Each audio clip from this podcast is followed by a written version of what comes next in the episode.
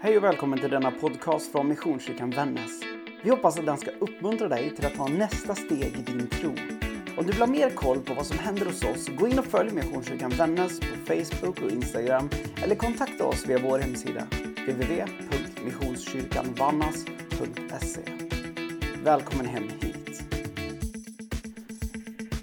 Hej och välkommen på gudstjänst i Missionskyrkan Vännäs. Idag så är det temat Den gode herden i kyrkåret och jag skulle vilja börja med att läsa ifrån Jeremia 23.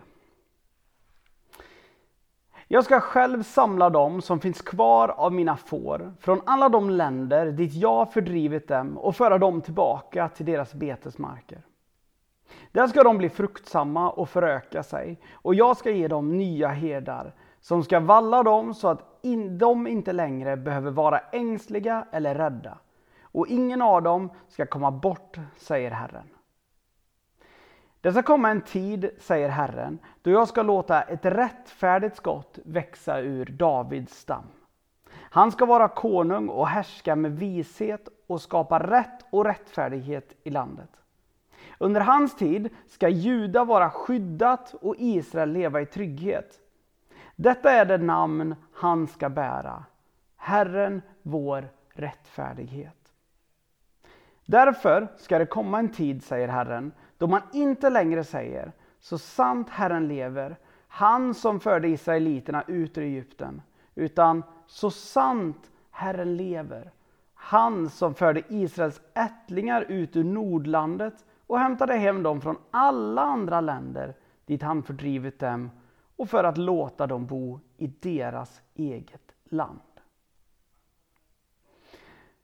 Profeten Jeremia, han levde i en väldigt specifik tid. En tid som präglades av oro, av otrygghet. Han föddes i ett land som skakade.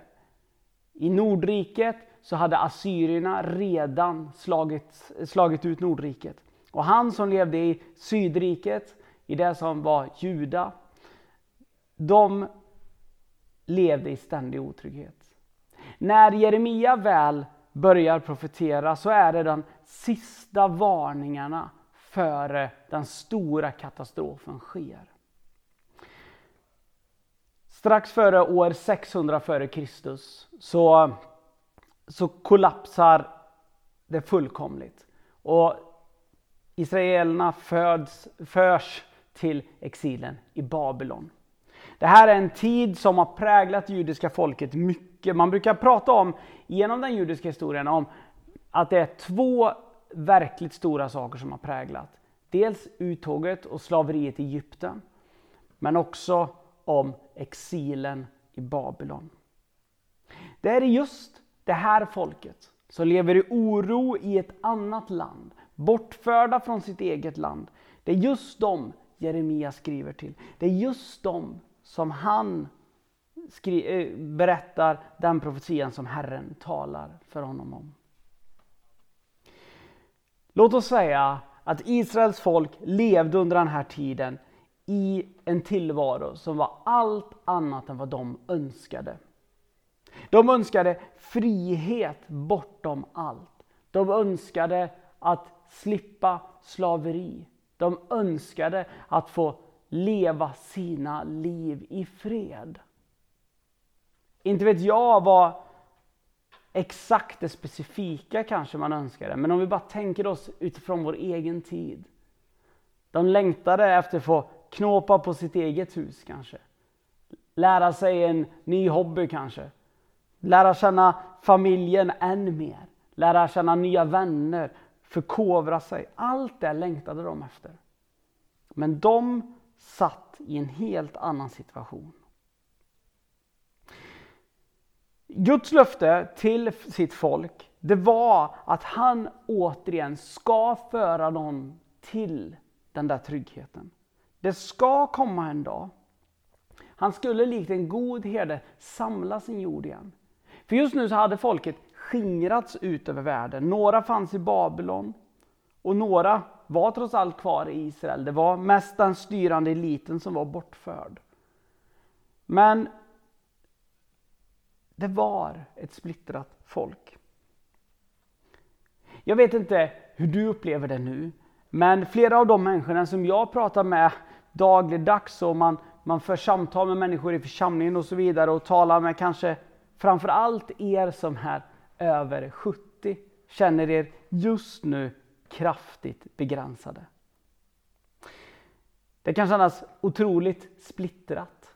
Det kan kännas att man är likt en sargad och splittrad jord. Vi måste hållas på avstånd från de människorna som vi älskar mest av allt. Vi kan inte träffas som församling som vi önskar. Vi kan inte umgås med vänner på det sättet vi skulle vilja.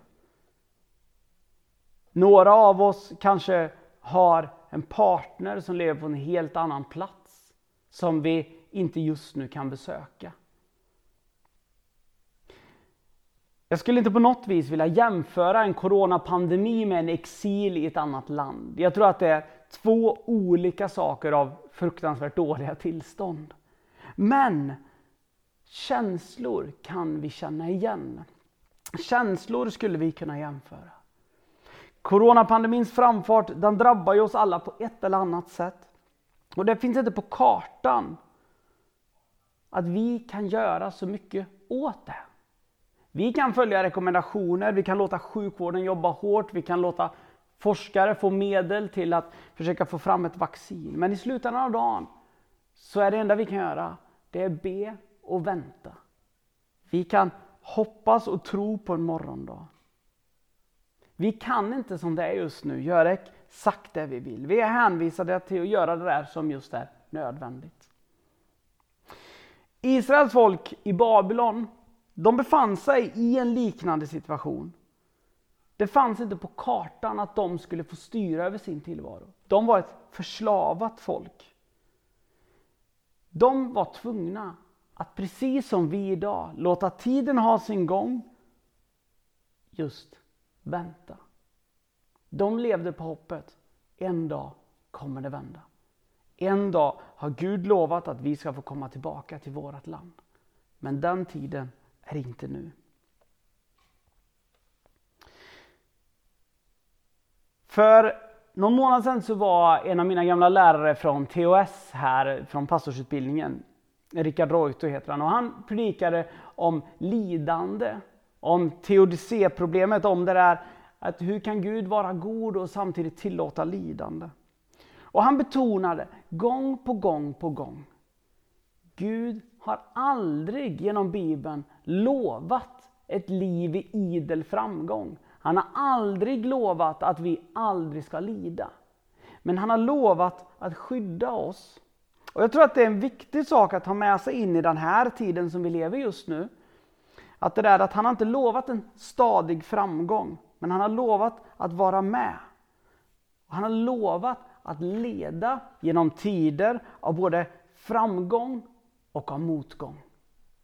Alldeles oavsett så har han lovat att vara med. Jeremia talar också om en ny tid i den här texten. När han talar om att, han ska låta ett rätt, att Herren ska låta ett rättfärdigt skott växa ut ur Davids stam. Det här var ord som var en mäktig profetia i, in i Israel i den här tiden. Talet om en Messias, om en frälsare och en räddare. Och spolar vi fram ungefär 600 år så är vi framme vid den tiden då Jesus klev ner på jorden. Då som vi tror att det där skottet från Davids stam faktiskt sköt ut. När Jesus klev in. Och vid den här tiden så talade det judiska folket mycket om, när man talar om frälsning, det gudomliga, det eviga livet och sådär. Så en vanlig bild, det var den stora fårängen. Det är som att det optimala som vi kan hamna i är en sorts fårhage där vi kan beta fritt utav allt gott vi vill ha tillsammans med dem vi vill vara med. Och så plötsligt står Jesus där. Och vad kallar han sig? Jo, i en utav liknelserna så säger han, jag är grinden. Jag är den som håller det dåliga ute och det goda inne. Det är jag som håller vargarna borta för mina får. återigen, Jesus kommer till, och precis som Jeremia fick tala ord av tröst in, så talar Jesus ord av hopp in i tillvaron. När han säger att han ska vara den som leder till det eviga, till hoppet. Han säger också att, att han är den gode herden. Att han är den som ska heda sin flock dit. Att han ska vaka över den. Ännu starkare tänker jag att den här bilden blir också när vi tänker, eh, använder liknelsen av den goda herden. När Jesus lämnar de 99 för att gå för att hitta den sista. Det, jag många gånger funderat på det. Jag vet inte hur många gånger jag har hört en predikan om där någon säger bara, ja men kan ni fatta Jesus är så modig, han lämnar 99 och de är, får vara trygga där tillsammans och så går han iväg och hämtar den där sista. Jag tänker att om nu Jesus har släppt in fåren i den där hagen. Många är de herdar, eller bönder som vi ofta kallar dem idag. Många är de bönder som lämnar sina får över natten i hagen. Jag tänker att Jesus gör liknande när han ska gå iväg och hitta det där sista fåret. Vi lever då omslutna i en gemenskap, i ett tryggt hägn. I det som är Guds löften. Herren lämnar oss inte, utan, eller lämnar oss inte helt ensamma. Han lämnar oss med det beskyddet som vi behöver och det vi har. För att gå och hämta det som behövs. Herdeskap skulle jag vilja avsluta med kan vi se på lite olika sätt. För Bibeln talar om herdeskap på två olika vis skulle jag säga. Det ena är Gud eller Jesus som den gode herden och som herden. Men man talar också om det i form av ledarskap. Och här så tror jag att vi alla kristna är också kallade att vara herdar på ett eller annat sätt. Några av oss som är ju pastorer, några av oss kristna. Och pastor är ju ett ord som i en sorts översätt, eller i en översättning betyder herde. Och visst, jag är en form av herde, men jag tror att också vi alla är herdar för varandra. Vi behöver ständigt varandra. Luther talar om det allmänna prästadömet. Och jag tänker det, att det allmänna prästadömet, att vi alla är en del av att också herda varandra, om ni förstår ordet. Att vi också stöttar och bär varandra. I en sån här tid som vi lever just nu så tror jag att vi alla än mer behöver vara herdar. Vi behöver stötta människor i vår omgivning. Jag tror att vi behöver bära ut hopp. Vi behöver bära ut trygghet. Vi behöver bära ut stabilitet. I eh, går, onsdag, här då mitt i veckan, vi spelar in på en torsdag, nu fick ni reda på det. I onsdags eftermiddag, då stod jag tillsammans med Anneli Bäck som är diakon i Svenska kyrkan här och Robert Blomqvist som är pastor i Pingstförsamlingen. Vi stod utanför ICA och talade med människor. Vi eh, bjöd på lite kaffe och generellt sett uppmuntrade äldre som är i riskgrupper, det går att få hjälp. Be om hjälp. Och vi försökte uppmuntra andra också och förmedla hopp och sådär. Och det märks tydligt när man talar med människor att det är mycket oro men också mycket att man, vem ska jag tro på? Och att på något vis, det, det är som att de lever i lite kaos. Där tror jag att vi som kristna verkligen skulle kunna vara herdar åt varandra för att skingra kaoset och främja ordning. Att stötta varandra i att se, det är ingen fara. Det löser sig det här. Vi reder ut det här.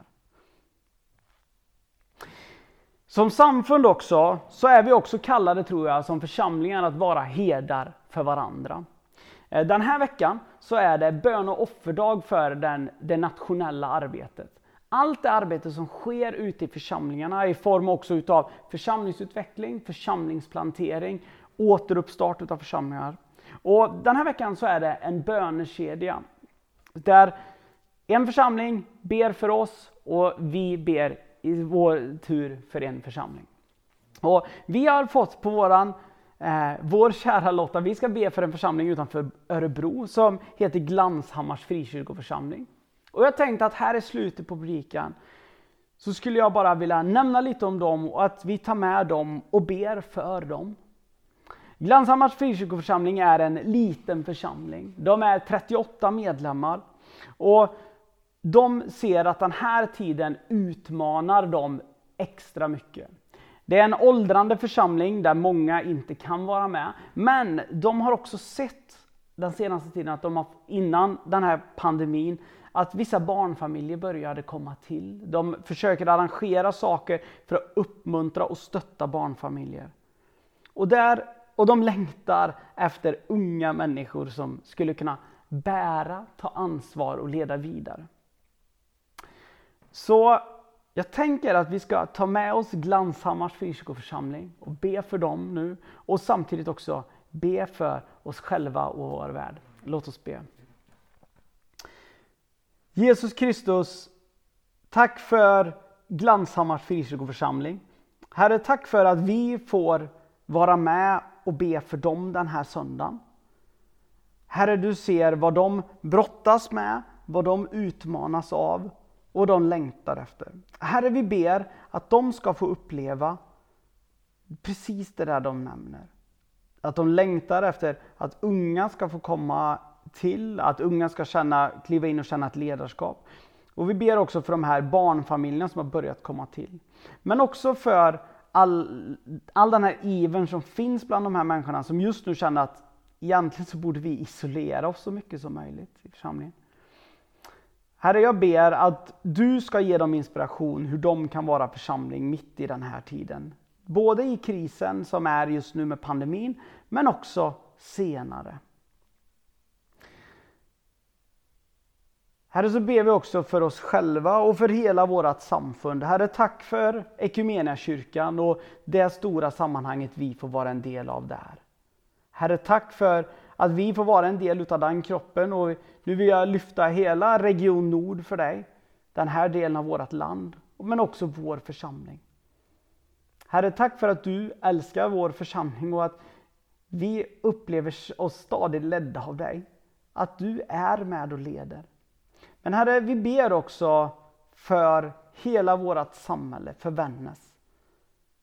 Jag ber att du ska komma med frid och hopp, tröst och lugn. Herre, skingra allt kaos, skingra allt som är oroligt. Och så Herre, så tackar vi dig också för att du är den gode herden.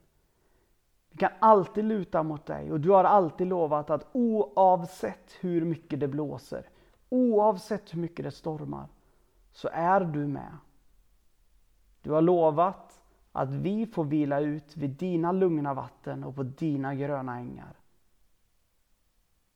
Vi ber så i ditt heliga namn. Amen. Gud välsigne din vecka. Hoppas att den blir fantastisk. Och du, gå ut i solen. Det är fantastiskt fint ute nu. Det var en kladdig avslutning. Alltså. Ja. Hur långt blev det? Ja, det blev, vi kan vänta, eh, 20 ungefär.